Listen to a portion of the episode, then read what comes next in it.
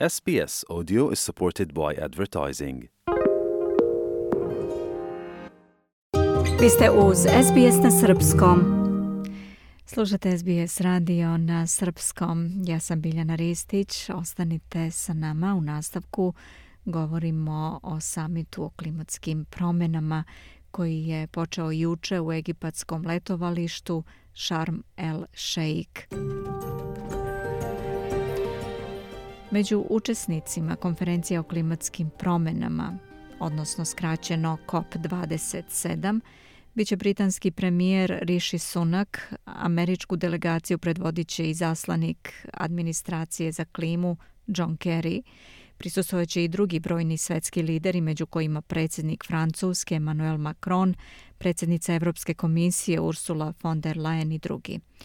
Ministar za pitanja međunarodnog razvoja i Pacifika u vladi Australije, Pat Conroy, je među prisutnim svetskim liderima.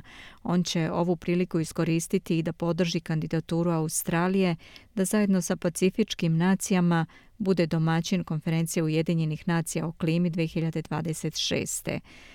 Kod kuće premijer Albanizi doživljava kritike zato što on lično nije otišao na konferenciju, međutim iz federalne vlade kažu da smatraju da je Australija zastupljena na odgovarajući način na konferenciji, uprkos odsustvu premijera Albanizija.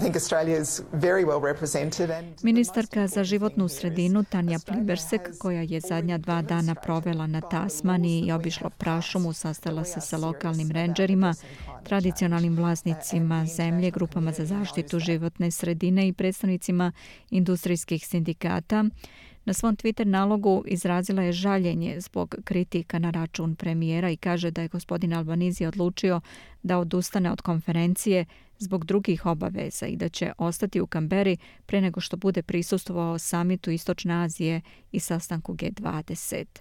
Ona kaže da je bezrazložna zabrinutost da bi izbor gospodina Albanizija da ne prisustuje sastanku COP27 mogao da ugrozi šanse Australije da bude domaćin samita 2026. Godišnji samit Ujedinjenih nacija o klimi COP27 počeo je juče u egipatskom letovalištu Sharm el Shaiku na kojem se očekuje učešće predstavnika iz više od 130 zemalja.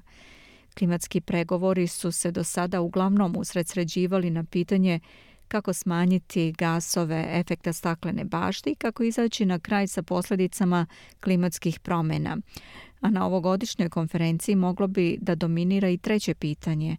Da li visoko industrializovane zemlje koje su najviše izazvale ovaj problem treba da plate zemljama koje najdirektnije osjećaju njegove posljedice? Katastrofe kao što su poplave, suše, uragani, klizišta i šumski požari dešavaju se sve češće kao posljedica klimatskih promjena, a zemlje najviše pogođene godinama traže finansijsku pomoć da bi izašle na kraj sa tim problemima. Više od jedne decenije bogate zemlje odbijaju zvanične rasprave o onome što se naziva gubitkom i štetom ili o sredstvima koja bi pomogla siromašnim zemljama da se izbore sa posljedicama globalnog zagrevanja. Predsjednik COP27 Sameh Šukri kaže da se nada da zemlje mogu napredovati u transparentnijem pregovaračkom procesu. Osjetili smo to tokom ove godine, tu promenu u stavovima delegacija koje su bile rezervisane pre toga. Mislim da je do toga došlo posle razvoja događaja koji su počeli još od Pariza, zatim od Glazgova i potrebe da se zadrži taj trend i svest da se cilj može postići samo ako postoji osjećaj pravičnosti i poverenja. Delegati su dvonedeljni pregovarački proces započeli odobravanjem dnevnog reda konferencije tokom otvaranja plenarne sednice s fokusom na to da li su bogatije zemlje saglasne da kompenzacija bude zvanično navedena na dnevnom redu, prenosi Reuters. Očekuje se da će diplomate iz više od 130 zemalja insistirati na stvaranju namenskog fonda za finansiranje gubitaka i šteta na COP27.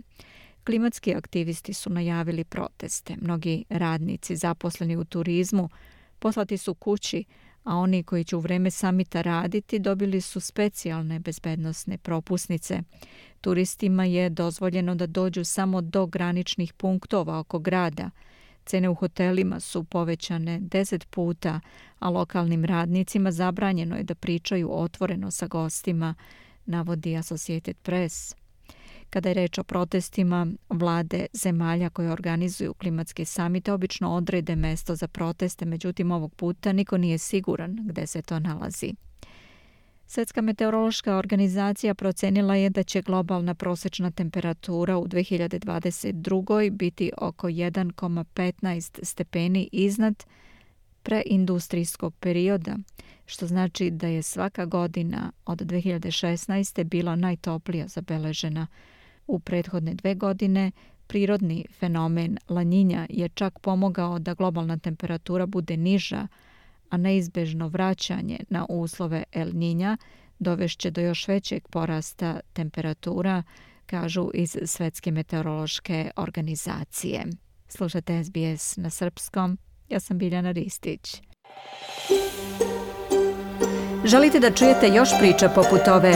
Slušajte nas na Apple Podcast, Google Podcast, Spotify ili odakle god slušate podcast.